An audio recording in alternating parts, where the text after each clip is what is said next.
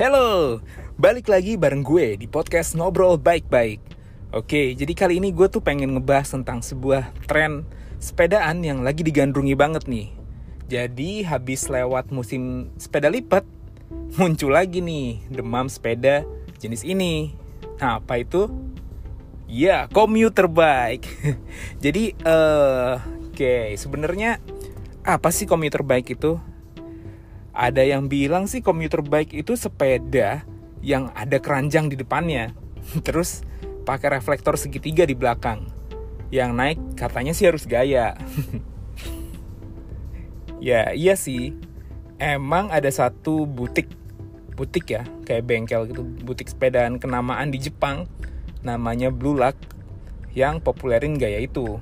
Ya tapi sejatinya nih ya, kalau menurut gue, komuter bike itu adalah sebuah sepeda, sebuah sepeda yang bisa mendukung kebutuhan sehari-hari, mulai dari pergi kerja, pergi sekolah, jemput anak, kirim paket, belanja, main sama temen, kebut-kebutan, atau bahkan ya piknik aja gitu jalan-jalan ke hutan atau camping bahkan. Dan sepedanya tuh nggak melulu harus vintage MTB kayak Federal, Kuahara dan sejenisnya gitu. Jadi kebanyakan tuh orang selalu nganggep oke okay, harus yang kayak gitu 26 inch atau 27 setengah terus uh, apa namanya frame-nya lurus kayak gitu kan kayak Federal yang lama gitu. Jadi sebenarnya asalkan sepedanya tuh bisa dipakai dan bisa memenuhi kebutuhan transportasi sehari-hari, ya itulah komuter bike gitu. sebuah sepeda yang apa namanya uh, tahan banting, simple, terus bisa dipakai nggak mikir gitu. Asal oke okay, mau pergi pakai, mau ke sini pakai, mau ke mana pakai gitu loh, nggak gampang rusak, nggak gampang apa spare part yang gampang dicari, gampang diperbaiki sendiri gitu kan. Jadi nggak perlu ribet mikir apa-apa untuk riding itu, ya itulah komuter bike gitu. Jadi kalau um, ada yang ngebahas tentang masalah aksesoris gitu kan, yang katanya wajib misalnya apa ya kayak contohnya keranjang depan gitu kan yang orang harus apa ya di pikiran orang tuh selalu harus itu gitu komuter bike harus ada keranjang depan. Wah misalkan nggak pakai gitu dia bilang gini kayak di ada di satu grup di Facebook gitu.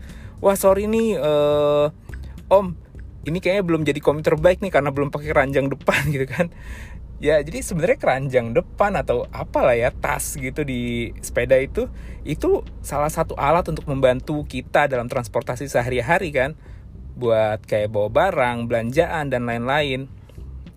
Jadi tanpa itu pun kalau emang sepedanya dipakai sehari-hari buat ngapain aja gitu ya buat segala aktivitas ya itu juga namanya commuter bike.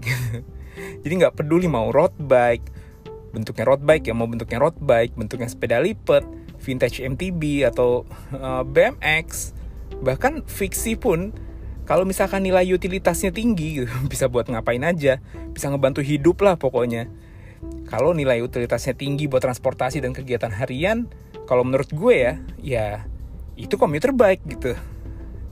Bahkan kalau lihat-lihat lagi nih kayak sepeda ibu-ibu Yakult gitu kan nah itu tuh kalau menurut gue the real commuter bike.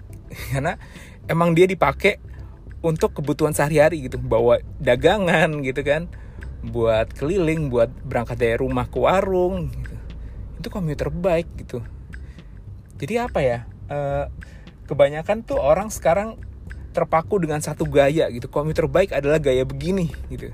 Ya nggak salah juga sih karena emang populernya dengan gaya yang begitu. Tapi kalau secara pengertian sepeda apa pun ya komuter bike kalau dipakai sehari-hari jadi kalau ditanya nih apa sih sepeda komuter yang uh, paling bagus gitu? Sepeda komuter yang paling bagus adalah yang kita pakai saat ini gitu. Apa pun sepedanya, kalau kita pakai untuk kegiatan sehari-hari untuk membantu hidup kita, itu namanya komuter bike. Itu, oke? Jadi sebenarnya nggak penting sepedanya apa. Menurut gue yang bisa disebut komuter bike ya kalau memang sepeda itu bisa membantu keperluan kita sehari-hari, ya nggak?